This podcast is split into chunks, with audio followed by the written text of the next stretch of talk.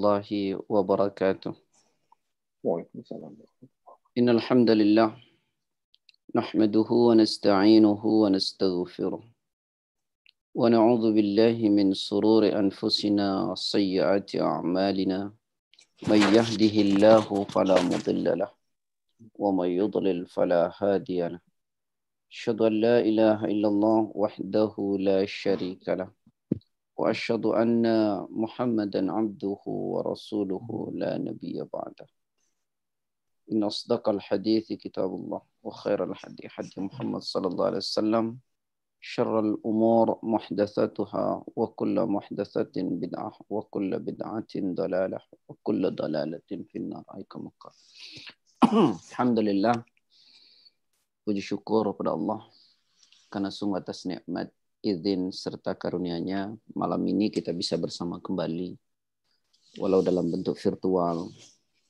Mudah-mudahan kebersamaan kita ini bisa menjadi salah satu sebab kita dipermudah jalan menuju surganya Allah Subhanahu wa taala. Sebagaimana Rasulullah SAW pernah menyampaikan man salaka tariqan yaltamisu fihi ilman sahalallahu lahu bihi tariqan ilal jannah sahabat-sahabatku, saudara-saudaraku, baik yang di Indonesia maupun yang di UK. Semoga senantiasa berada dalam rahmat Allah. Salawat dan salam semoga senantiasa tercurah pada Rasulullah SAW, pada keluarganya, sahabat-sahabatnya, pengikut-pengikutnya, dan tentu kita semua yang mengikutinya. Uh, saya lihat di layar, ini ada sahabat saya, Ustadz besar Pak, Ustadz Yasir Liputo. Ini beliau ikut kajian. Kef halak ya Ustaz? Saya, oh tapi mute beliau. Iya, ini pelanggaran ini Ustaz ini. Baik. Ikhwani wa ikhwati fillah. Dulu pada pertemuan pertama kita sudah bahas uh, kita berharap uh, mempunyai anak yang saleh dan bagaimana caranya saya sudah sampaikan dari berbagai macam bacaan yang saya baca. Lalu kemudian hari ini sebagaimana janjinya, kita akan membahas tentang bagaimana anak bersikap kepada orang tua. Gitu ya, no, no. Pak Rashid ya. ya Baik, ikhwani wa fillah.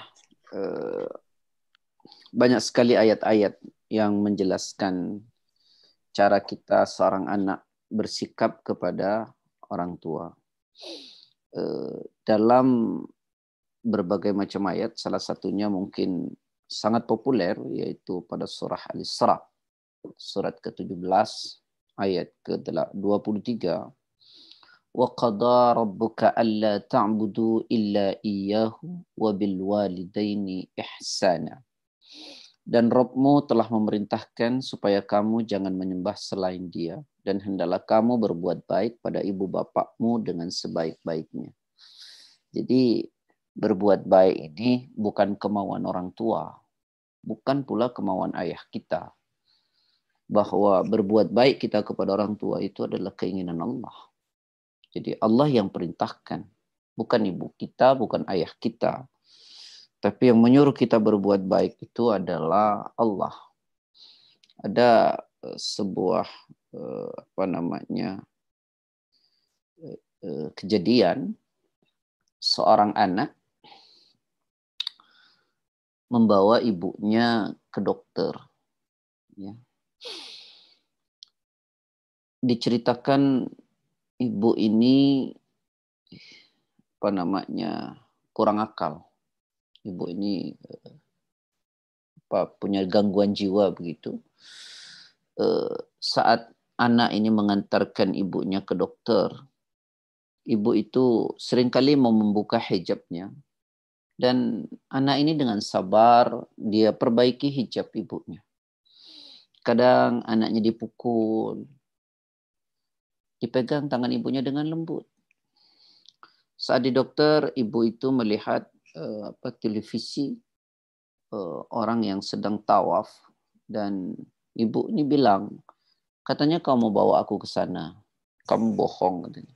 Anaknya diludahi dan di apa dilap oleh anak ini dengan sabar sekali. Dokter itu tanya, siapa ini? Dia bilang anaknya ini adalah ibuku. Sejak kapan dia seperti ini? Sudah lama. Terus, apakah kau tetap berbuat baik kepada ibumu seperti ini? Anak itu berkata, iya. Bukankah ibumu tidak pernah tahu kalau engkau adalah anaknya? Anak ini bilang, betul dok, ibuku tidak pernah tahu kalau aku adalah anaknya. Tapi Allah tahu kalau aku adalah anaknya dan Allah tahu kalau itu adalah ibuku. Dan kewajibanku berbuat baik kepada ibuku dan ini perintah Allah bukan kemauan ibuku. Nah, ini sahabat-sahabat paduka yang perlu kita pahami bahwa berbuat baik kepada orang tua itu bukan keinginan orang tua, bukan keinginan ayah, tapi perintah Allah. Sebagai bentuk kita ketaatan kepada Allah. Wa qada rabbuka alla ta'budu illa iya. Wa bil walidaini ihsana. Dan banyak sekali ayat-ayat yang menjelaskan soal ini. Misalnya lagi di dalam Al-Quran pada surat ke-6, Al-An'am, ayat ke-151, Allah Ta'ala berfirman begini. قل تعالوا أتل ما حرم ربكم عليكم ألا تشركوا به شيئا وبالوالدين إحسانا Katakanlah, marilah kubacakan apa yang diharamkan atas kamu oleh Rabbmu, yaitu janganlah kamu mempersekutukan sesuatu dengan Allah, dengan dia. Berbuat baiklah kepada kedua orang tuamu, ibu bapakmu. Nah ini yang saya sampaikan bahwa perintah berbuat baik itu bukan kemauan orang tua tapi keinginan Allah adalah perintah dari Allah. Nah, ikhwani wa ikhwati fillah yang dirahmati oleh Allah, sebelum jawaban bicara, ana ingin sampaikan sebagai motivasi uh, sekelumit manfaat tentang berbakti kepada kedua orang tua. Biasanya kalau kita diberikan pemahaman tentang apa hikmah, manfaat, buah, biasanya kita lebih termotivasi daripada diberikan satu ancaman-ancaman. Tentu ini juga penting, ancaman-ancaman ketidak berbaktian kita kepada orang tua itu juga penting, tapi bahwa memberikan kabar gembira itu lebih dulu daripada memberikan satu ancaman. Eh, saya teringat ketika Rasulullah SAW mengutus seorang sahabat Mu'adz bin Jabal radhiyallahu ke Yaman, beliau berpesan dengan dua pesan. Yang pertama, yassiru wa la tu'assiru. Permudahlah urusan, jangan kau persulit. Nah, Ustaz Yasirnya, Afwan Ustaz. Ya, permudahlah, jangan kau persulit. Jadi kita disuruh menyimpelkan sesuatu, jangan memperumit. Kadang-kadang kita ini membuat sesuatu yang simpel itu menjadi rumit. Dan banyak persoalan seperti ini. Eh, kemarin dulu saya sampaikan kadang-kadang antar suami antar istri itu pembicaraan ringan kecil gitu. Tapi karena di debat maka menjadi besar. Maka perkara kecil itu jangan dibesar-besarkan gitu. kemudian wabashiru wa la tunaffiru. Uh, apa Buatlah orang itu cinta dengan kebaikan, jangan kau buat orang lari dari kebaikan. Nah, cara membuat cinta itu berikanlah kabar-kabar bahagia, berikanlah kabar-kabar gembira. Maka dalam hal ini saya coba ingin menyampaikan ada manfaat besar, walaupun tidak banyak nanti, manfaat besar bakti kita kepada kedua orang tua kita. Dan ini bisa memotivasi diri kita untuk jauh lebih baik kepada kedua orang tua kita. Sahabat-sahabat, uh, paduka yang saya cintai karena Allah. yang pertama, saudaraku, uh, bakti kepada orang tua itu adalah ini tujuan yang paling diidamkan. Jalan mudah menuju surganya Allah. Jadi bakti kita kepada orang tua itu adalah jalan mudah menuju surganya Allah. Ada satu hadis yang cukup populer biasanya hadis ini dibaca oleh banyak orang, banyak asatid maksud saya, ketika menjelang Ramadan. Banyak sekali dimuat dalam kitab, salah satunya kitab Al-Adab Al-Mufrad, karya Imam Bukhari, uh, di nomor 646.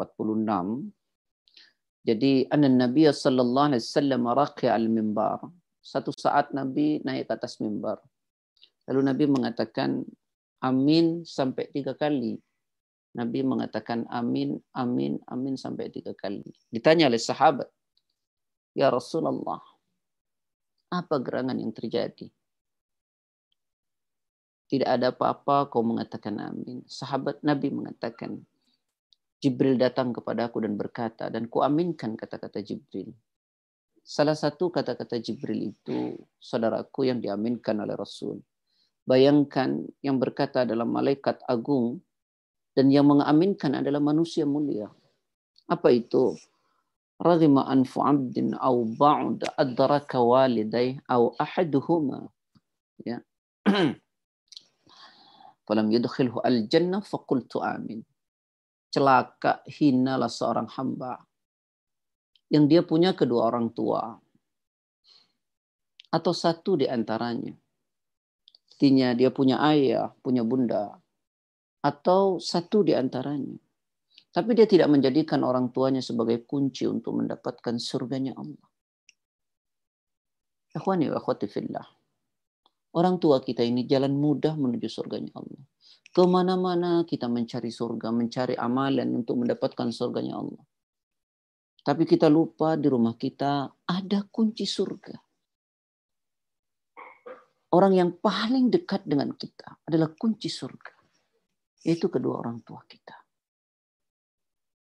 Sebelum jauh bicara, Anda ingin ingatkan, wahai para istri, kadang-kadang kita ini, para istri afwan, mohon maaf ya bunda-bunda, kadang-kadang suka menjadikan mertua atau ibu dari suami kita itu sebagai rivalitas. Bahkan kita cemburu kepada uh, ibu mertua kita oleh karena suami kita terlalu baik sama ibunya. Ini tolong direnungkan. Sungguh berbahagialah. Berarti Anda punya suami yang suami kita itu hendak mencari surganya Allah dengan kunci di rumahnya yaitu orang tuanya. Bukankah Anda juga ingin mendapatkan surganya Allah? dan Anda ingin bersama dengan suami di surganya Allah, maka biarkanlah beliau merawat kunci surga itu. Kita ingin dapat surganya Allah. Tapi kita menghalangi suami kita untuk merawat kunci surganya. Jadi janganlah, wahai para istri, cemburu kepada ibu mertua. Karena berbahagialah Anda ketika punya seorang suami yang dekat dan baik kepada ibunya, kepada orang tuanya. Karena beliau ingin mendapatkan kunci surga dan ingin mengajak Anda ke dalam surganya Allah. Nah begitu juga sebaliknya kita seorang suami berbahagialah karena kita punya istri saleha yang berbakti kepada kedua orang tuanya dan tidak melupakan kedua orang tuanya. Artinya kita berbahagia bahwa istri kita juga sedang mendekati kunci surganya Allah. Ya, maka jangan dijadikan sebagai apa namanya ya, seperti rivalitas begitu ya, bahkan cemburu kepada orang tua atau ibu dari suami, jangan. Bahkan ada yang saya dengar cerita-cerita begitu, alafo ya. Kadang-kadang seorang istri begitu jengkel kepada suaminya karena suaminya begitu dekat dan baik kepada ibunya. Bahkan ada kata, kau pilih aku atau ibuku. Wallahi, wahai para istri, jangan pernah mengatakan seperti itu. Kau pilih aku atau ibumu? Bagaimana mungkin? Ibu adalah kunci surganya Allah. Dan Anda istri adalah kewajiban suami untuk membawa Anda ke dalam surganya Allah. Suami tidak akan membiarkan Anda terperosok ke neraka dan berkewajiban untuk membawa Anda ke dalam surganya Allah. Dan ibunya adalah kunci surganya. Lalu bagaimana kita meminta kepada suami untuk memilih Anda, saya atau ibu? Tolong ini direnungkan. Jangan pernah. Jangan pernah. Buatlah suami itu tersenyum. Nanti insya Allah pada terusan kajian ini kita akan bicara tentang keluarga. Ya. Karena tidak mungkin uh, ini semua bisa kita dapatkan anak saleh, ya kemudian kita berharap anak yang saleh dan anak juga baik kepada orang tua tanpa membangun rumah tangga yang baik. Nah, fillah yang dirahmati oleh Allah. Jadi kembali ya Ibu itu adalah kunci surganya Allah. Orang tua kita itu kunci surganya Allah. Jalan menuju surga yang paling mudah. Ya, jadi jalan mudah menuju surga. Sampai Rasulullah SAW pernah mengatakan begini. Hadis ini populer dari Abu Darda radhiyallahu anhu qala qala Rasulullah SAW al walidu awsatu abwabil jannati fa in syi'ta fa awdi dhalik al baba aw fadhu coba renungkan baik-baik. Al walidu awsatu abwabil jannah. Orang tua itu adalah pintu surga yang paling tengah. Ya, al-walidu awsatu abwabil jannah. Orang tua adalah pintu surga yang paling tengah. Fa in syi'ta fa'adhi dhalikal bab. Ya. Kalau kalian bisa sia-siakan pintu itu. Awih fadhu atau kalian jaga. Mau dijaga atau dibiarkan. Kalau kita mau menjaga, jagalah. Kalau kita mau biarkan, silakan. Kita tidak akan dapat apa-apa dengan menyia-nyiakan. Bahkan kita akan dapat kemudaratan besar. Fa'in syi'ta. Jika kau mau, fa'adhi' dhalik. Fa'adhi' dhalik al-bab. Awih fathu. Jika kalian mau, sia-siakanlah pintu itu. Atau kalian bisa menjaganya. Mau tidak kita ke dalam surganya Allah? Nah, sahabat-sahabat, eh, di zaman ada satu apa namanya uh, riwayat. Seorang bernama Iyas bin Muawiyah ya ini dituturkan dari Humaid. Beliau menyatakan Iyas bin Muawiyah ini ketika ibunya wafat beliau menangis luar biasa sedih luar biasa. Padahal beliau ini tentu orang yang sangat mengerti agama fal Quran. Ya, tentu orang yang sangat dekat dengan Allah. Tapi saat ibu beliau wafat, beliau menangis begitu sedihnya. Sampai sahabat-sahabatnya itu bingung. Iyas bin Muawiyah ini seperti orang yang tidak mengerti syariat. Seperti tidak percaya akan takdirnya Allah. Seolah-olah dia ingin menyalahkan Allah ketika ibunya wafat dengan tangisan yang begitu sangat luar biasa, dengan kesedihan yang begitu sangat luar biasa. Ya, sebelum jauh anak ingin sampaikan, sedih karena orang yang kita yang kita cintai meninggal itu tidak ada persoalan. Ya, menangis sedih. Yang tidak boleh itu meratap. Bahkan ketika Rasulullah istrinya wafat, pamannya wafat, dalam sebuah sejarah disebut itu Amul Hazan, tahun kesedihan. Ya. Bahkan saudara-saudaraku yang saya cintai karena Allah, Nabi pun pernah menangis ketika sahabatnya Uthman bin Mad'un meninggal. Beliau inilah sahabat yang pertama kali kaum muhajirin meninggal pertama di Madinah. Ya. Dan yang pertama dikubur di Baqi dari kaum muhajirin. Nah ketika sahabat Uthman bin Mad'un meninggal, Nabi pun hatta dumo sampai beliau melinangkan air matanya. Beliau sedih. Enggak ada masalah. Nah, sahabat Iyas ini kesedihannya sangat luar biasa. Menangis juga. Dan beliau sedih sangat luar biasa. Sampai sahabat-sahabatnya itu bingung tadi Anda sampaikan.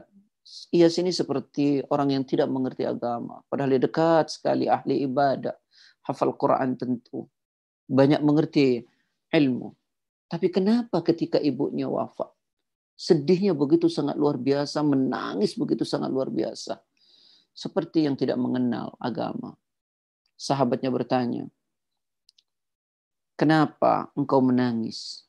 Kenapa keadaanmu seperti ini? Apa jawaban sahabat Iyas? Kana li babani maftuhani ilal jannah wa ughliqa ahaduhuma. Apa kata beliau? Kana li babani maftuhani ilal jannah. Dulu kata beliau, aku punya dua pintu surga. Kana li babani, aku dulu punya dua pintu. Maftuhani, yang kedua pintu itu selalu terbuka ilal jannah untuk membawaku ke dalam surganya Allah. Dulu aku punya dua pintu, yang pintu itu selalu terbuka untuk membawaku ke dalam surganya Allah, yaitu ibu dan ayahku. Wa ahaduhuma. Dan hari ini satu itu sudah tiada. Ini yang menyebabkan aku sedih. Ini yang menyebabkan aku menangis. Bukan aku tidak ridho. Tapi aku punya dua pintu dahulu. Yang pintu itu selalu terbuka untuk membawaku ke dalam surganya Allah. Tapi hari ini satu pintu itu sudah hilang. Inilah sahabatku. Nah, eh,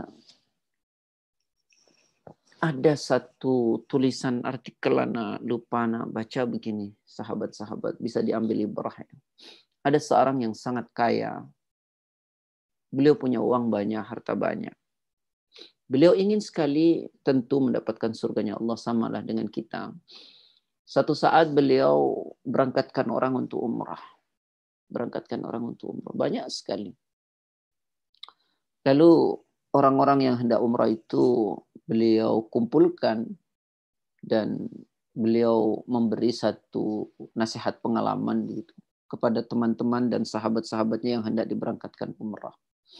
Di saat beliau memberikan wejangan, ibunya eh, menelpon beliau. Ibunya menelpon beliau. Lalu orang ini berkata, sebentar ya bu, saya sedang memberikan penjelasan pada teman-teman yang hendak umrah. Coba renungkan sahabatku. Dia ingin mendapatkan surga dengan memberangkatkan orang-orang umrah.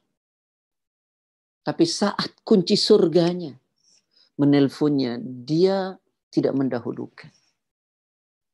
Sama dengan kita, kadang-kadang kita sedang berngobrol dengan teman-teman kita, dengan sahabat kita, bercengkerama, atau kita bicara bisnis, atau apa saja saat ibu kita telepon dengan enteng kita mengatakan, maaf ya bu, saya sedang sibuk. Maaf ya bu, saya sedang bicara. Maaf ya.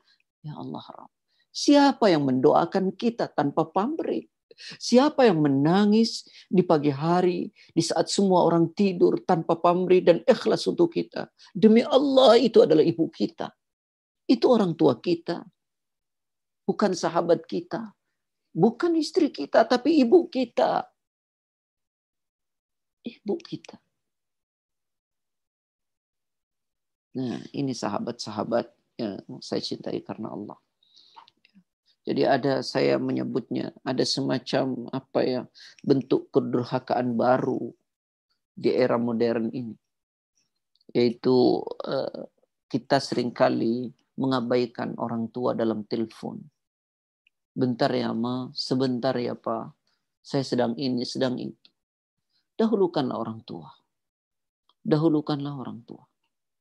Saudara-saudaraku yang saya cintai karena Allah. Ini yang pertama.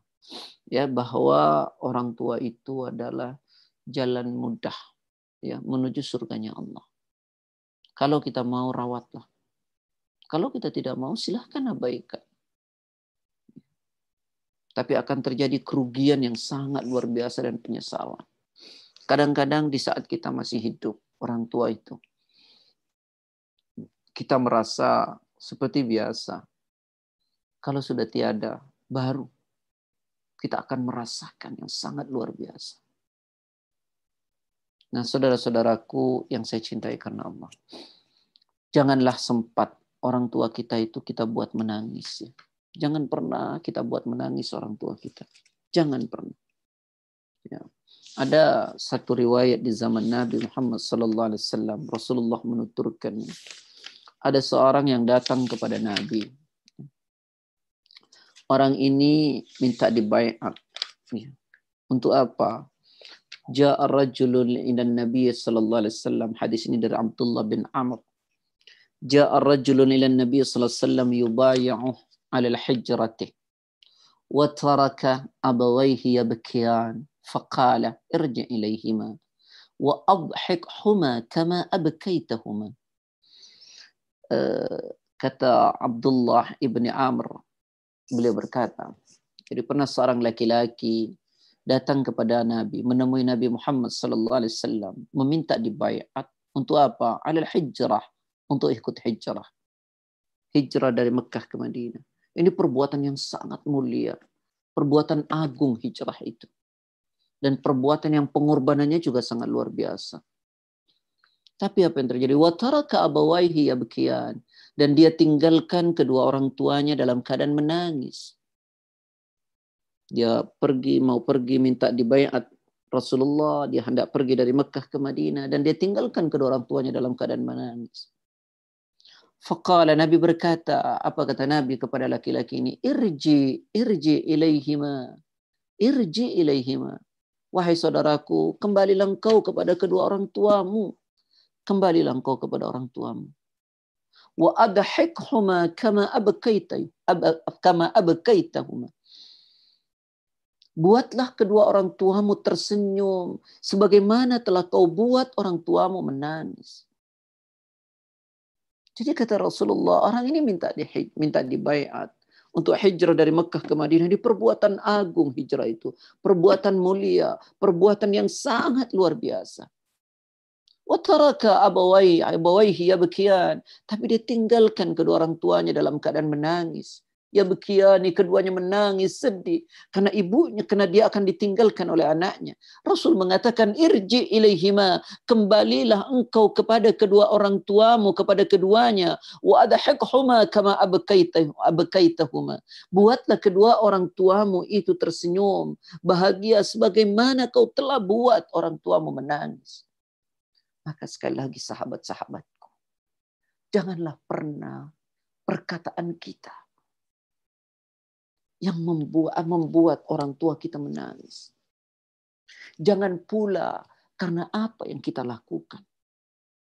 Membuat orang tua kita malu, membuat orang kita kedua orang tua kita sedih, yang pada akhirnya membuat beliau menangis. Karena perangai kita, karena apa yang telah kita lakukan. Dan apa yang kita ucapkan. Bukaul walidaini minal uquqi wal kabair tangisnya orang tua itu adalah bentuk kedurhakaan dan dosa besar. Minal uquq wal kabair. Tangisnya orang tua kita itu karena apa yang kita lakukan dan karena apa yang kita bicarakan. Minal uquq itu bentuk kedurhakaan dan dosa besar. Berkatalah kaulan karima. Berkatalah kepada orang tua ini kata-kata yang indah kata-kata yang santun, kata-kata yang baik, kata-kata yang membawa beliau tersenyum.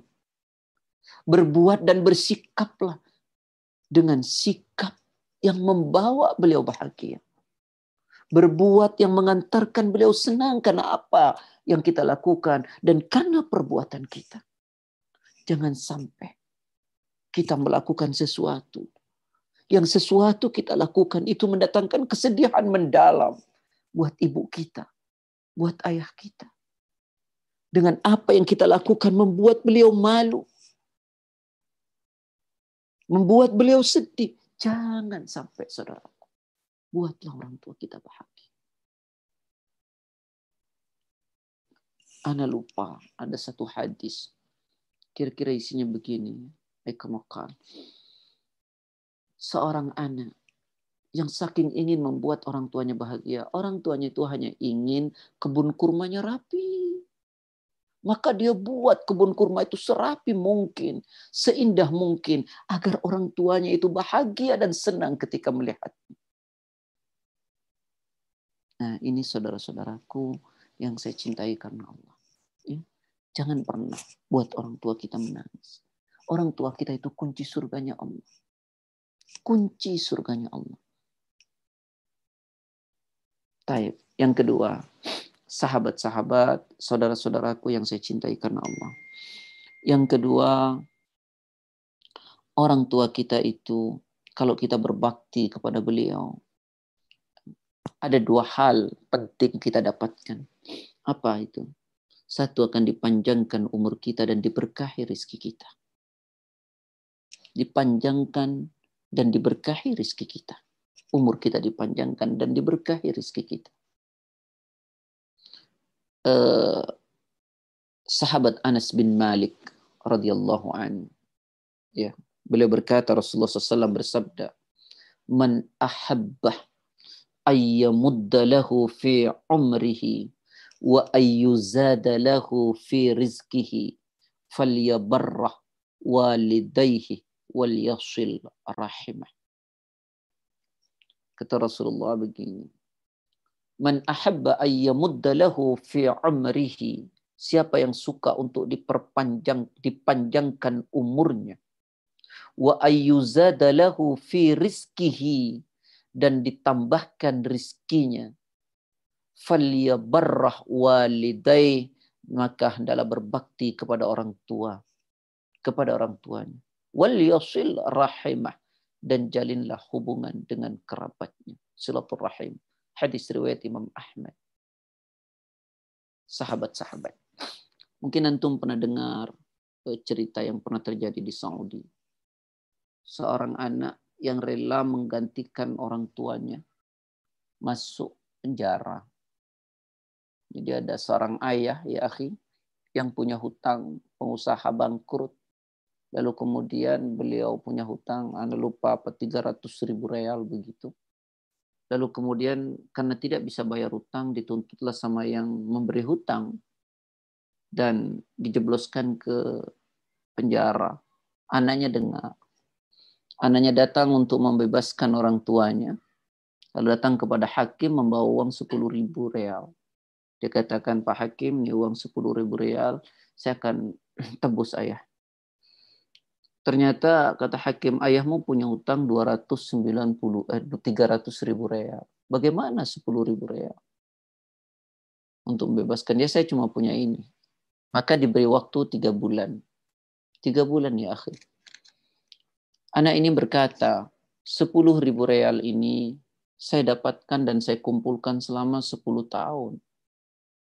Lalu bagaimana 290 ribu real dalam waktu tiga bulan? Tentu hakim tidak mau tahu. Apa yang terjadi sahabatku? Anak laki-laki ini bekerja selama tiga bulan.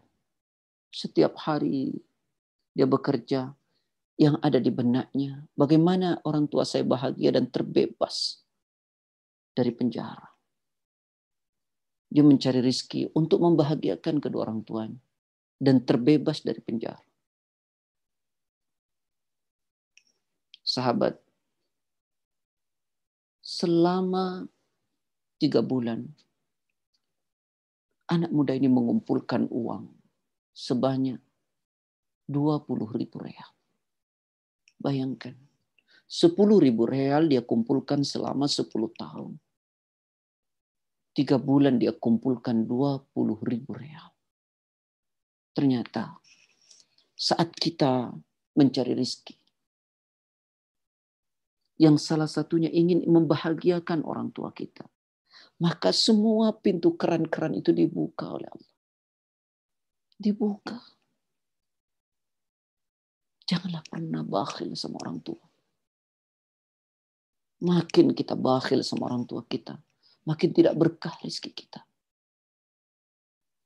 Tiga bulan dua puluh ribu real dia kumpulkan. Sementara sepuluh ribu real dia kumpulkan selama sepuluh tahun waktu itu untuk dirinya.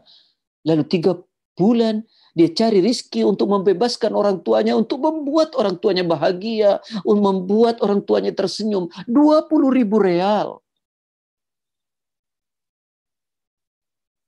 Beberapa bulan yang lalu ada seorang sahabat yang tanya sama anak orang tuanya masuk rumah sakit.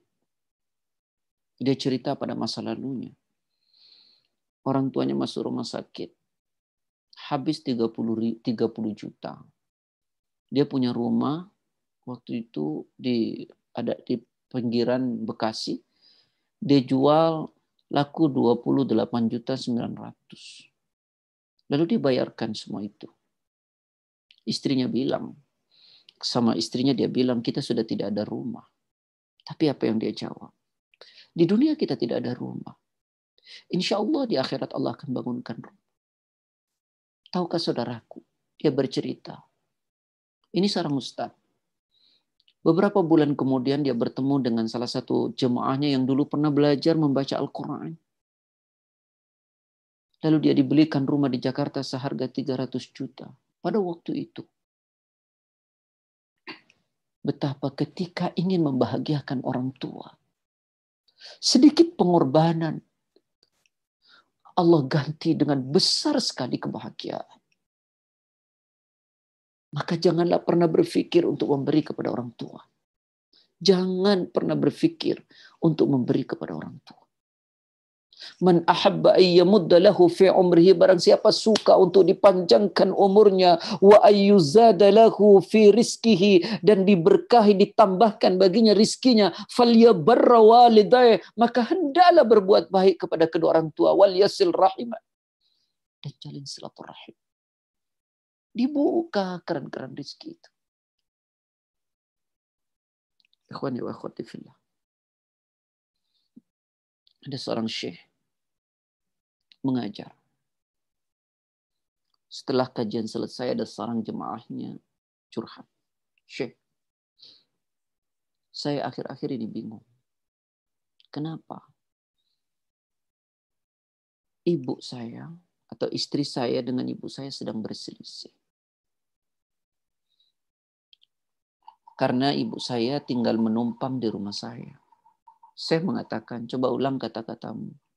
Iya, istri saya sedang berselisih dengan ibu saya karena ibu saya tinggal menumpang di rumahku. Saya meninggi kata-katanya. Coba ulang kata-katamu. Sampai dua kali dan ketiga saya itu membentaknya. Coba kau ulang kata-katamu. Bagaimana kau katakan ibumu menumpang di rumahmu? Semua yang kau miliki adalah milik orang tuamu. Lalu bagaimana kau katakan ibumu menumpang di rumahmu? Beliau kemudian bercerita tentang kisah di zaman Nabi. Seorang anak muda yang datang kepada Nabi. Dia berkata, Ya Rasulullah, ayahku mengambil makanan hartaku tanpa seizin dan sepengetahuanku. Ayahku mengambil hartaku tanpa seizin dan sepengetahuanku. Lalu Rasulullah memerintahkan orang tuanya dipanggil. Lalu orang tua ini datang kepada Rasulullah. Sudah tua. Bertopang dengan tongkatnya. Sudah tua dan bertopang dengan tongkatnya. Lalu Rasulullah berkata, Wahai Bapak, benarkah kau ambil harta anakmu tanpa seizin dan sepengetahuan. Lalu kemudian sahabat-sahabat orang tua ini berkata, dulu aku bekerja untukku dan untuk anakku. Aku memasak, kusiapkan untukku dan untuk anakku. Kalau tidak cukup berdua, maka hanya kusiapkan untuk anakku. Dan aku rela tidak makan. Begitulah orang tua. Orang tua itu rela mengorbankan dirinya demi kebahagiaan anaknya. Ada sering istilah, aku rela apa pun kulakukan agar anakku bahagia. Tapi kenapa kita tidak sebaliknya juga berpikir, aku rela lakukan apa pun untuk kebahagiaan orang tuaku. Kita suka lepas Orang tua, gak apa-apa kaki jadi pala. Pala jadi kaki. Agar aku, yang penting aku senang melihat anakku. Anakku bisa sekolah. Anakku sama dengan teman-temannya. Itu yang sering kali terlontar dari orang tua. Orang tua mana pun. Karena orang tua itu kasihnya sepanjang jalan. Tapi kita hanya sepenggal kalah. Begitulah orang tua. Aku bekerja tidak apa-apa berat. Apa pun kukorbankan. Yang penting anakku bahagia. Dan percayalah sahabat-sahabat. Saat orang tua melihat anak-anaknya tidak bahagia seperti teman-temannya, dia bersedih. Dia bersedih. Tapi kadang-kadang kita kalau bahagia, orang tua kita sedih, kita tidak turut sedih.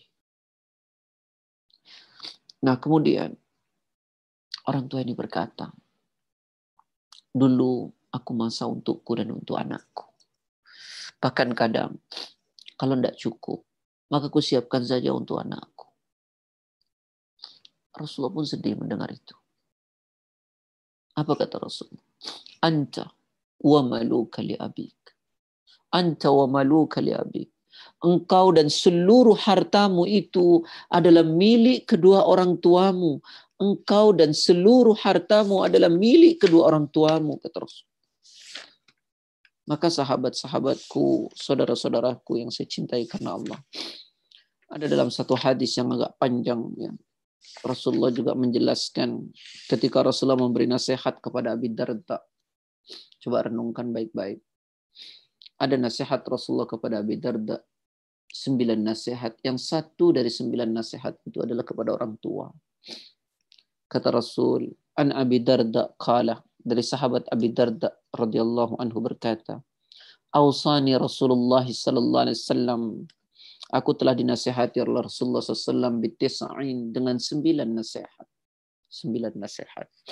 Maka sering-seringlah datang sahabat-sahabatku uh, untuk minta nasihat kepada orang yang tentu mengerti.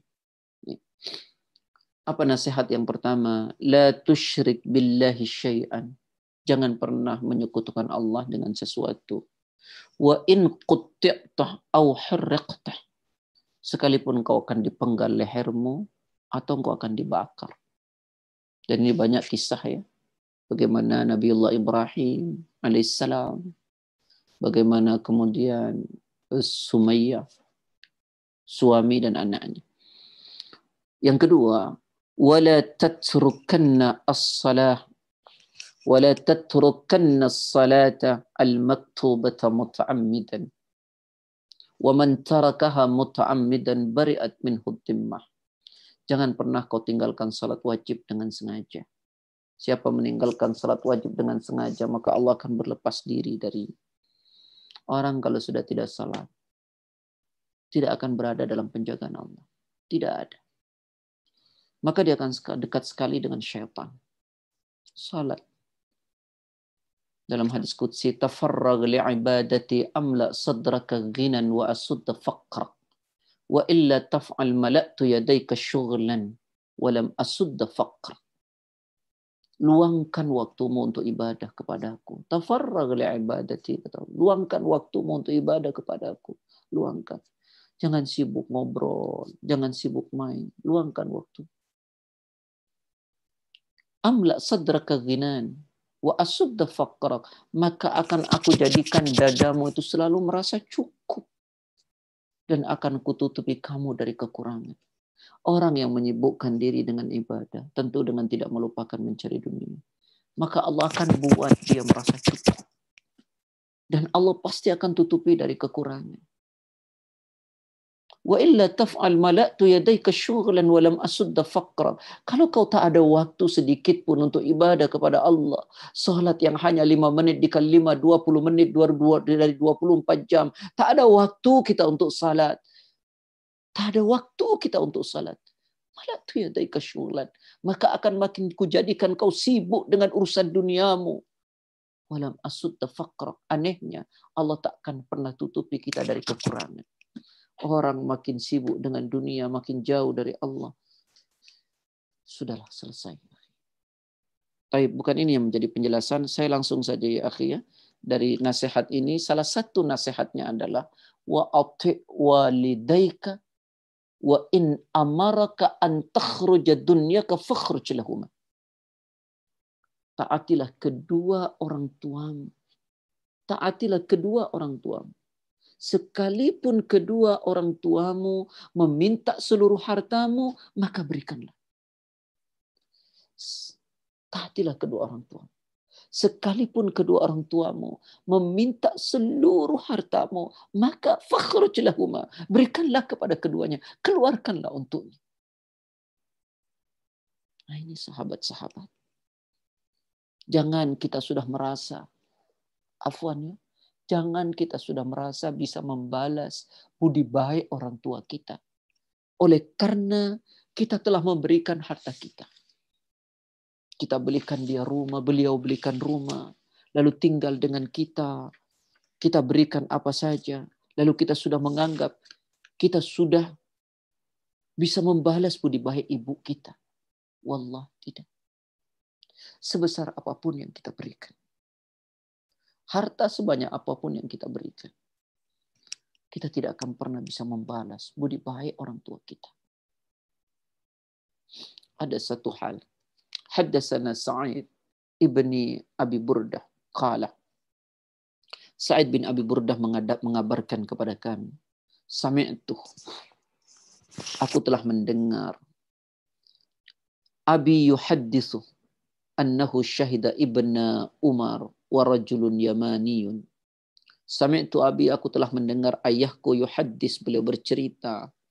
Ya. Annahu syahida ibna Umar wa rajulun yamaniyun. Beliau ayahku menyaksikan uh, ibnu Umar Abdullah dan warajulun yamaniyun laki-laki berasal dari Yaman. Kita tahulah ini ya.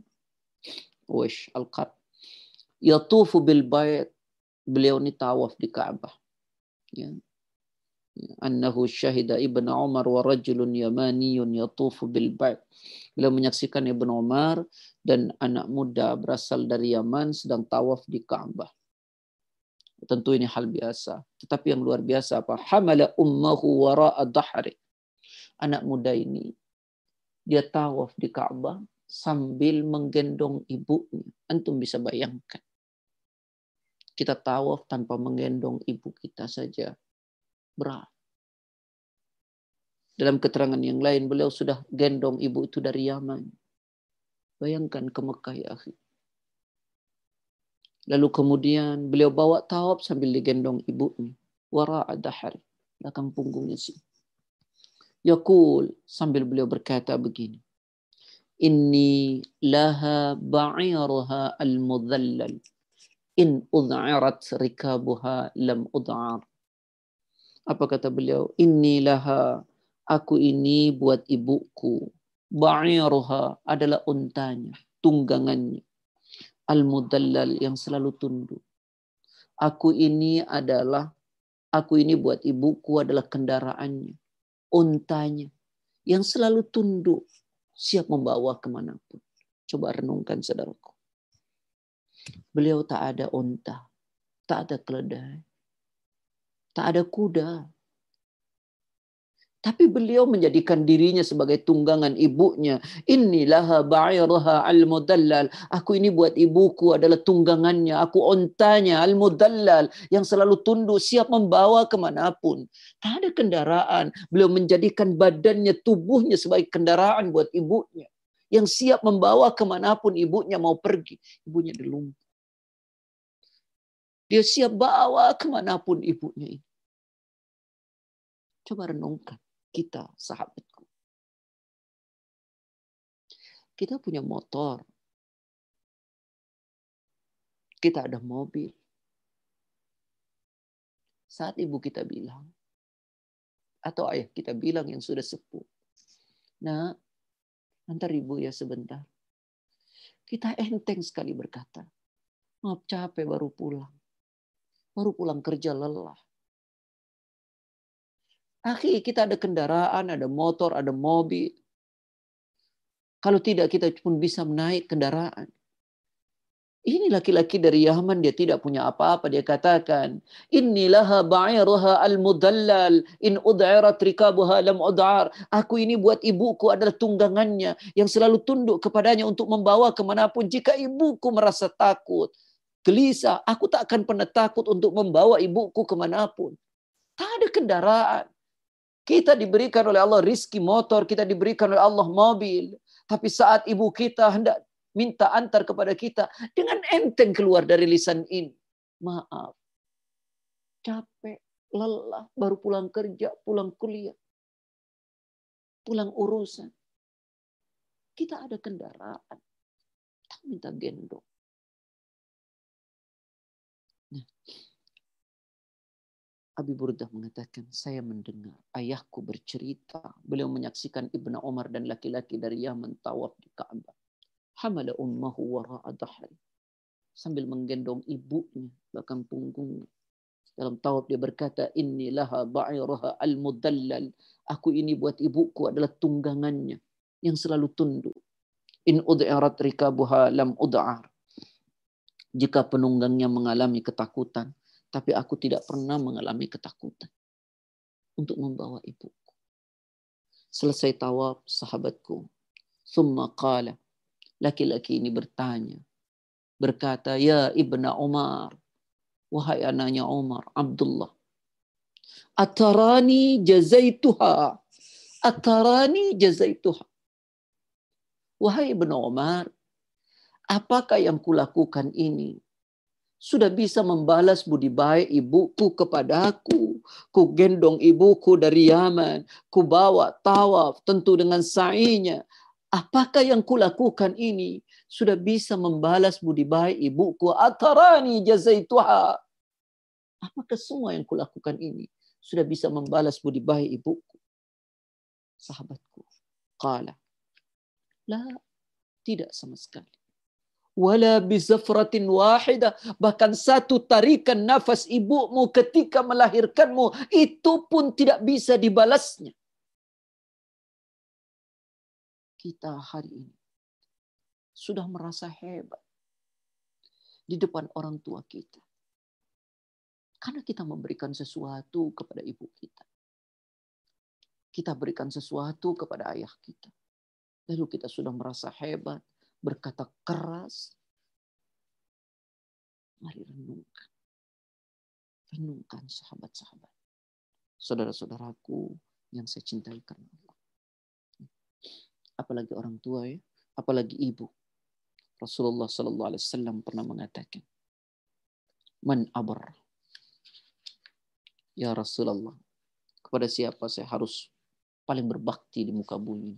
Rasul mengatakan ummak, ibumu. Bahkan ketika seorang sahabat bertanya kepada Rasulullah SAW, ya,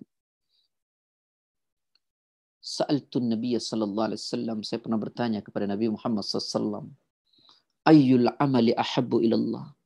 Perbuatan apa yang paling dicintai oleh Allah? Qala as-salatu ala waqtiha. Salat di awal waktu. Qultu thumma ayyu. Kemudian aku bertanya lagi, kemudian apa lagi? birrul walidain. Berbuat baik kepada orang tua. Berbuat baik kepada orang tua. Kita sering kali berkata begini. Bagaimana kalau orang tua kita tidak baik? Insya Allah. Bagaimana kalau orang tua kita tidak baik? Orang tua kita dolim. Seringkali pertanyaan-pertanyaan ini muncul. Afwan, kalau boleh Anda berkata, taat kepada orang tua tanpa syarat patuh kepada orang tua tanpa tapi. Kecuali keduanya mengajak kita menyekutukan Allah. Berbuat yang Allah tidak ridho. La ta'ata li makhlukin bima'asyiatil khaliq. Tak boleh taat kepada makhluk dalam rangka bermaksiat kepada Allah. Iya. Tapi coba renungkan. Kalau hanya dalam persoalan dunia sahabat-sahabatku. Jangan pernah lihat itu. Lihatlah saja kewajiban kita taat kepada orang tua. Hadis dari Ibnu Abbas. Qala berkata. Ma min muslim lahu walidani. Muslimani. Yusbihu ilayhima muhtasiban. إلا فتح الله بابين يعني من الجنة. وإن كان واحدا فواحد. وإن أغضب أحدهما لم يرضى الله عنه حتى يرضى عنه. قيل وإن ظلم قال وإن ظلم Sahabatku ابن عباس berkata, "Ma min muslim lahu walidani muslimani." Tidaklah seorang pun dari kaum muslimin yang mempunyai kedua orang tua. Muslimani yang kedua-dua orang tuanya muslim, ibunya muslim, ayahnya muslim yusbihu ilaihima. Dia berbuat baik kepada keduanya. Artinya yusbih itu mengantarkan makanan setiap paginya. Ilaihima kepada keduanya. Dia berbuat baik kepada kedua orang tuanya. Muhtasiban. Ya, muhtasiban. Hanya dengan berharap pahala dari Allah. Hanya berharap pahala dari Allah. Tidaklah seorang pun dari kaum muslimin yang punya dua orang tua yang kedua-duanya muslim. Lalu dia berbuat baik kepada keduanya. Untuk berharap pahala dari Allah. Illa fatahallahu babain. kecuali Allah akan bukakan baginya dua pintu. Yakni minal jannah. Yaitu pintu surga. Seorang anak berbuat baik kepada kedua orang tuanya.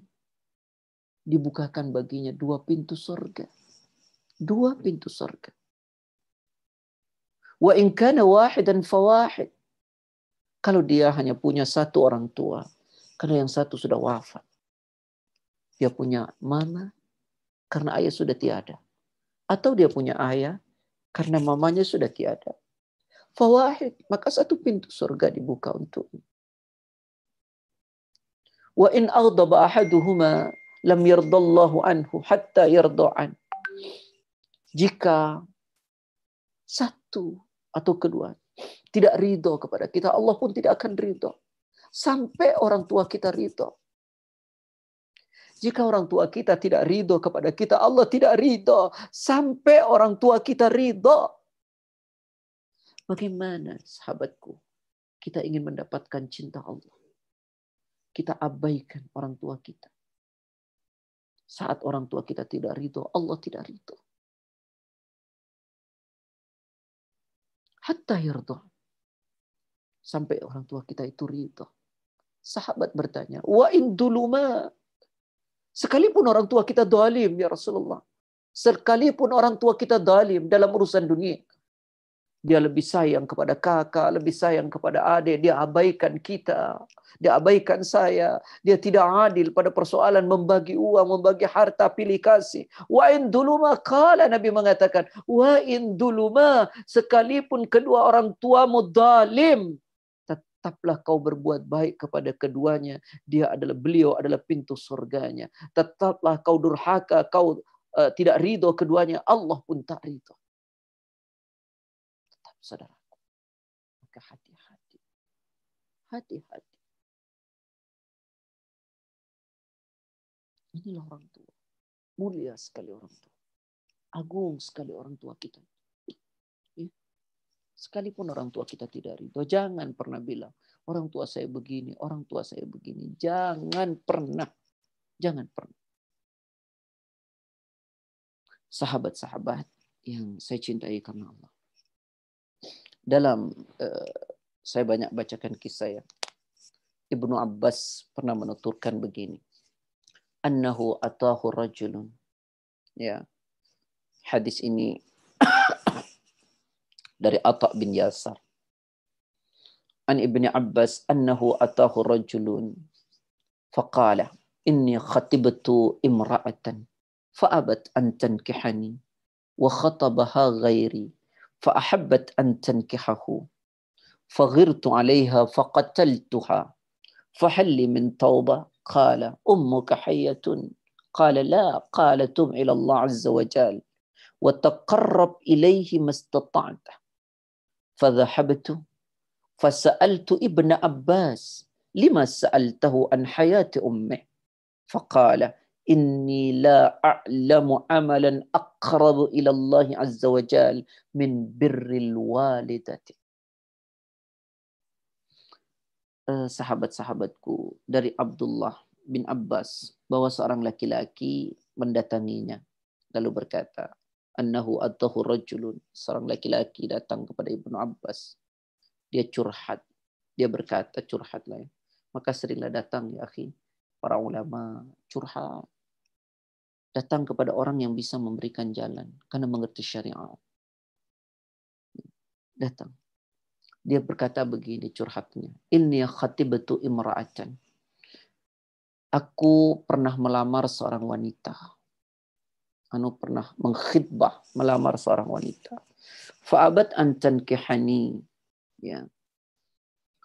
Uh, wanita itu tetapi wanita itu menolak pinanganku. Ya.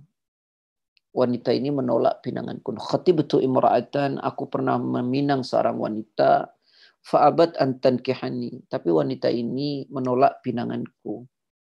Wa khatabaha ghairi Lalu kemudian seseorang laki-laki datang meminangnya setelah aku tentunya.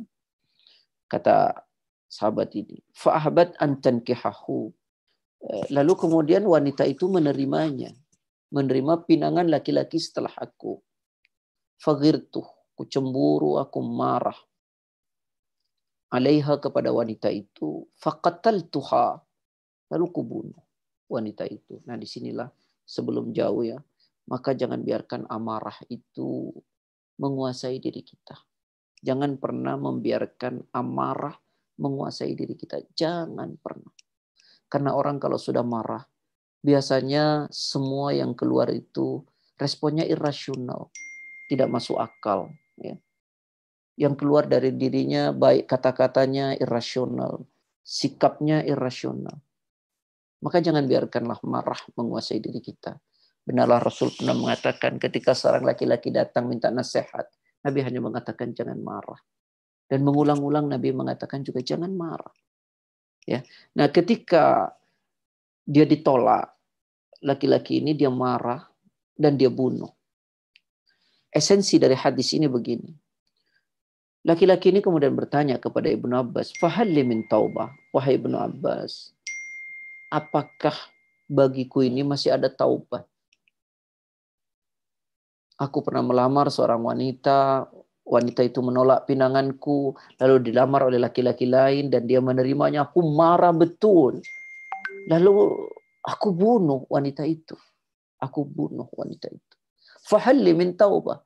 Maka apakah bagiku masih ada taubat? Ibnu Abbas justru balik bertanya, Ummuka hayatun. Apakah ibumu masih hidup? Kala, dia katakan, lah. Ibuku sudah tiada. Lalu Ibnu Abbas memberi nasihat, tuba ila Allah Azza wa. Bertaubatlah kepada Allah Azza wa Jal. Wa taqarrab ilaihi mastata'ta. Ya. Tentu begini ya, bukan hanya bertaubat kepada Allah dan mendekatlah kepada Allah. Mendekatlah kepada Allah Subhanahu wa taala. Bertaubat sungguh-sungguh mendekat kepada Allah. Tentu berhenti menyesal, tidak mengulangi, ganti dengan amalan-amalan saleh. Ya. Bertaubatlah kepada Allah. Lalu kemudian Fadahabtu fasa'altu Ibn Abbas kata Atta bin Yasar. Fadahabtu lalu saya pergi fasa'altu Ibn Abbas fasa'altu Ibn Abbas lalu saya tanya kepada Ibn Abbas. Lima sa'altahu an hayati ummih Wahai Ibnu Abbas, orang itu tadi bertanya, dia telah membunuh seorang wanita, apakah dia bisa taubat atau tidak? Lalu kenapa justru kau tanyakan kembali, kau tanya ibunya masih hidup atau tidak? Dia bertanya, apakah baginya masih ada taubat atau tidak? Karena dia telah membunuh seorang wanita. Tapi kenapa kau balik bertanya, ibumu masih hidup atau tidak? Faqala, inni kata Ibn Abbas la a'lamu amalan aqrabu ila Allah azza wa jal min birril walidah sungguh aku tidak mengetahui satu amalan yang lebih mendekatkan diri kita kepada Allah min birril walidati melebihi bakti kepada ibu melebihi bakti kepada ibu ini sahabat-sahabat aku sesungguhnya tidak pernah mengetahui satu amalan yang lebih mendekatkan diri kita kepada Allah, melebihi bakti kita kepada ibu. Ya Allah, segala-galanya orang tua itu ternyata jalan mudah menuju surganya Allah. Tak ada amalan yang lebih mendekatkan diri kita kepada Allah, melebihi bakti kita kepada orang tua. Orang tua adalah jalan mudah menuju surganya Allah, memperpanjang umur, memudahkan rizki. Tentu semua jalan kebahagiaan sahabat. Saudara-saudaraku yang saya cintai karena Allah. Alasan apa lagi yang mau kita katakan? Sehingga kita tidak mau dekat. Tidak mau berbakti kepada orang tua. Man ahabba ayyamudda lahu fi umurihi. Siapa orang menginginkan senang umurnya dipanjangkan wa ayyuzada lahu fi rizkihi dan diberkahi rizkinya ditambahkan rizkinya falyabarrah walidaih maka berbuat baiklah kepada kedua orang tua kita. Baik, kemudian selanjutnya akhi, ternyata kebakti kita kepada orang tua, maka kita akan mendapatkan doa dari orang tua kita. Kita memang bisa berdoa sendiri, sahabatku. Tahukah doa orang tua kepada kita? Tidak ada hijab sama sekali. Tidak ada hijab sama sekali. Nabi mengatakan dari Abu Hurairah, thalathun da'awatin yustajabu lahunna la syakka fihinna da'watul madlum wa da'watul musafiri wa da'watul walidi ya liwaladihi ya ada tiga doa yang diijabah ya tiga doa mustajabah. La syakka fihinna. Yang tidak diragukan lagi. Di dalamnya tidak ada keraguan. Apa itu? Dakwatul madlum. Ya doa orang yang dizalimi. Wa dakwatul musafir. Dan doa orang yang bepergian safar tentu dalam kebaikan. Wa dakwatul walid liwaladihi. Dan doa orang tua kepada anak doa tapi sesungguhnya orang tua kadang-kadang separah apa pun anaknya orang tua tak pernah lepas berdoa untuk tidak pernah lepas. Nah, sahabat-sahabatku ini sebagai uh, kajian hari ini satu jam seperapat ya, Anda sudah sampaikan. Ada pertanyaan Pak? Uh, ada Ustaz, ada yang angkat tangan juga, tapi uh, sebelum ke yang angkat tangan, kita langsung ke pertanyaan Ustaz. Baik. Baik, uh, buat yang lain juga saya ingatkan silahkan angkat raise hand atau kirim message ke nomor WhatsApp di belakang saya ini untuk pertanyaan-pertanyaan. Baik, sebelum kita yang bertanya langsung, saya share screen untuk pertanyaan yang dititipkan. Yang pertama kali ini, Bismillahirrahmanirrahim. Pak Ustadz, saya mu'alaf dan orang tua saya belum kembali ke Islam. Namun ibu saya sudah meninggal. Apakah masih ada doa yang bisa saya panjatkan kepada Allah untuk ibunda. Sahabatku, semoga Allah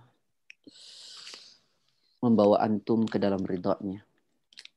Dan semoga Allah memberikan istiqamah ya, keislaman antum. Dan berbahagialah antum dengan keislaman antum. Ya. Karena apa yang antum telah lakukan, tidak ada pertanggungjawaban setelah antum menjadi muslim setelah menjadi muslim baru kemudian ada pertanggungjawaban. Bagi orang tua yang masih hidup, yang non muslim kita doakan semoga Allah memberikan hidayah. Dan teruslah kita berbuat baik karena kebaikan kita kepadanya bisa menjadi dakwah untuk membawa beliau ke dalam hidayahnya Allah Subhanahu wa taala. Tapi hasilnya serahkan kepada Allah. Jika orang tua kita sudah wafat, tak ada doa yang diajarkan. Tidak ada ya akhir ya karena tidak sampai. Ya, wallahu a'lam. Semua ini sudah diatur oleh Allah. Ya, jangan disesali. Serahkan segalanya kepada Allah. Allah a'lam. Baik, eh, Mbak Fatih silahkan di unmute. Mbak. Bismillahirrahmanirrahim. Assalamualaikum Ustaz. Waalaikumsalam warahmatullahi wabarakatuh. Eh, saya berpikir mungkin opposite ya. saya tidak ngerti otak saya bagaimana mengerti ini. Saya yakin kita ini harus berbakti kepada orang tua karena kata Allah. Tapi di dalam Islam kan semua itu ada etiket. Seperti pada waktu Rasulullah masuk ke rumah putrinya. Sallallahu Alaihi Wasallam ngetok sekali, dua kali, tiga kali, tidak jawab pulang. Kalau toh itu rumahnya anaknya juga rumahnya Rasulullah SAW, kenapa pakai begitu? Kan ada etiket di sini. Betul. Soleh saya tidak bisa datang ke anak saya, oh saya mau ini, saya mau ini. Saya akan masuk penjara mungkin menantu saya lapor kepada polisi. So, bagaimana sebetulnya Islam ini mengatasi semua ini di dalam hidup yang bermacam-macam lah di sini kan. Bukan negara Islam di tempat lain kan.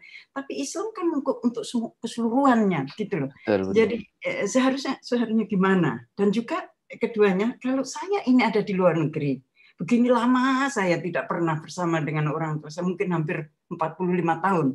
Eh, bagi orang tua saya itu normal, bagi saya sekarang menjadi sedih begitu loh karena saya tidak bisa mengawani beliau pada waktu-waktu musim eh, pada waktu eh, tua yang memerlukan. Cuma keadaannya begini, terus apa yang kita kerjakan semua kawan-kawan kita yang ada di luar negeri jauh dengan orang tua untuk memaksimal itu uh, itu perintah Allah kita harus baik orang tua caranya gimana yang yang terbaik ya Allah jazakumullah khair Wajazakillah khair. Semoga Allah memberkahi bunda, keluarga bunda, ayah bunda, ibu bunda, dan anak-anak bunda. Amin. Uh, bunda, apakah etika itu? Ini yang pertama ditanya. Ketika Rasulullah datang ke tempat eh, anaknya, betul akhlak itu berlaku kepada anak dan kepada orang tua. Kemarin eh, saya jelaskan pada pertemuan pertama, ada akhlak seorang tua kepada anak dan ada akhlak anak kepada orang tua. Saya kasih contoh sederhana. Bunda sudah memberi contoh tentang Rasulullah ketika datang ke rumah uh, Fatimah. Hmm. tapi juga pernah kisah Juraij. Pernah Bunda? Uh, saya kemarin ceritakan itu tentang Juraij yang ketika beliau sedang beribadah, lalu ibunya memanggilnya, dia teruskan ibadahnya dan diabaikan Juraij. Baik, selesai ini. Hmm. Kemudian etika itu ada etika orang tua kepada anak dan ada etika anak kepada orang tua. Salah satu contoh yang paling sederhana kita disuruh nyuruh anak salat bahwa kita disuruh menyuruh dengan kelembutan dan sabar gitu ya eh, wa'mur ahlaka bis sala wastabir 'alaiha perintahkan anakmu salat dan sabarlah atasnya jadi etika itu tetap ada bunda etika orang tua kepada anak dan anak kepada orang tua dan jangan pernah abaikan etika karena etika ini sangat agung ya sampai pernah Rasul pernah mengatakan etika atau akhlak itu karena akhlak dan etika itu Anda mendapatkan surga yang paling tinggi. Ini berdasarkan hadis dari Abi Umamah Al-Bahili radhiyallahu an ana zaim kata Rasul bi baitin fi rabadil jannah liman taraka al-mira wa in kana muhaqqan wa bi baitin fi wasatil jannah liman taraka al-kadhib wa in kana mazihan wa bi baitin fi a'lal jannah liman hasuna khuluquh Aku jamin kalian akan mendapatkan rumah di tepian surga bagi orang yang meninggalkan debat sekalipun yang diperdebatkan kebenaran dan kita benar. Dan aku jamin kalian akan mendapatkan rumah di pertengahan surga bagi orang yang meninggalkan dusta sekalipun bercanda. Dan aku jamin kalian akan mendapatkan rumah di surga yang paling tinggi bagi orang yang berakhlak, beretika, ber, ber, berakhlak, beretika begitu. Ya, yang mulia. Sampai-sampai Rasul pernah mengatakan, ya, akmalul mu'minina imanan ahsanuhum khuluqa sebaik-baik orang mukmin akan keimanannya adalah orang yang paling baik akhlaknya. Bahkan Nabi mengatakan, Inna min ahabbikum ilayya wa aqrabikum minni majlisan yaumal qiyamati ahasinukum akhlaqa. Sungguh orang yang paling aku cintai dan paling dekat dengan tempat duduknya nanti denganku di hari kiamat adalah mereka yang paling baik akhlaknya. Jadi akhlak memang sangat luar biasa. Bahkan seorang mukmin yang akhlaknya baik, derajatnya menyamai menyusul orang-orang yang menghabiskan waktunya setiap malam dia salat satu malam penuh dan setiap hari dia berpuasa. Betul etika ini penting. Orang tua juga harus punya etika kepada anak dan anak juga harus punya etika kepada orang tua. Lalu pertanyaan Bunda, bagaimana Ustadz? Saya tinggal di luar negeri, orang tua kami eh, di, di di Indonesia begitu. Nah saat kita pergi, orang tua kita ridho. Saat kita ada di sana, orang tua kita juga ridho dan kita minta izin ya. Dan kita pun eh, apa namanya bahagia dengan ini karena satu hal dan hal lain tentu secara fisik kita tidak bisa mendekat. Nah sekarang zamannya sudah sangat luar biasa ya bunda ya. Kita bisa video call. Mungkin tidak eh, setiap hari bisa dua hari sekali tiga hari sekali. Jangan buat orang tua kita rindu. Sebelum rindu kita sudah sapa beliau. Banyak bunda yang bisa kita lakukan. Doakan beliau ya. Ingat beliau suara bunda adalah senyum buat beliau. Mungkin tatapan lewat video call-nya buat bunda, itu bentuk kebahagiaan buat beliau. Ya kan satu hal seperti ini, sekolah atau mencari rizki harus di sana. Tidak akan mengurangi ya.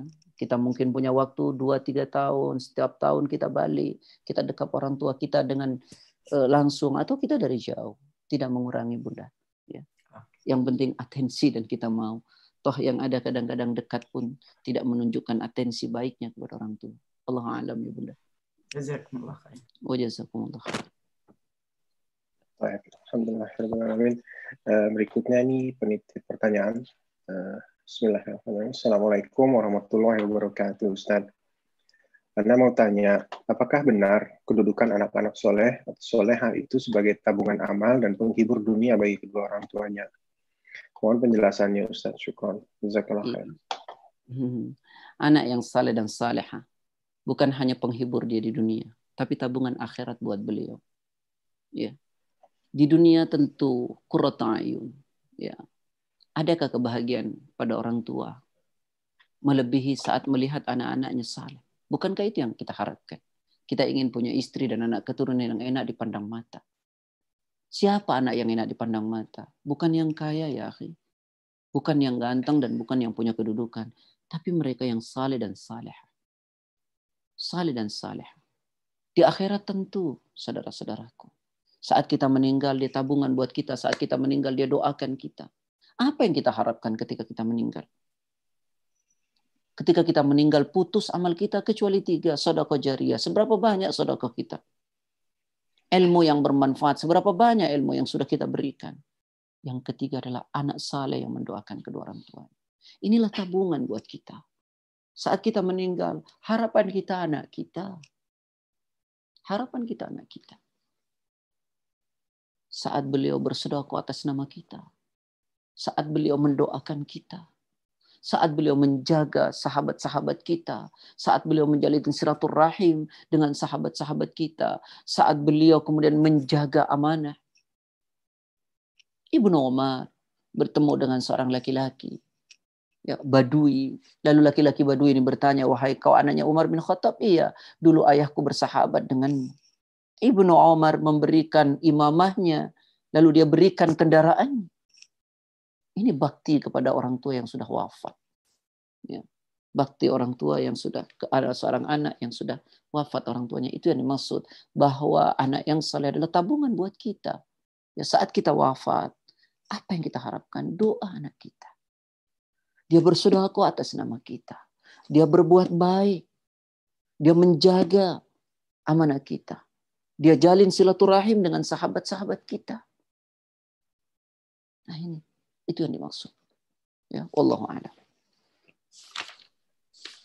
Baik, uh, ini pertanyaan terakhir untuk malam ini. Ya, Boleh ada yang mengangkat tangan. Sudah jam Baik. 9 lewat. Ya, ya saat ini terakhir Ustaz. Pak Ustadz mohon bertanya sebagai istri, sejauh mana dan apa yang bisa dilakukan secara maksimal untuk mendapatkan pahala berbakti kepada orang tua sendiri. Insya Allah. Ikhwani wa ikhwati fillah.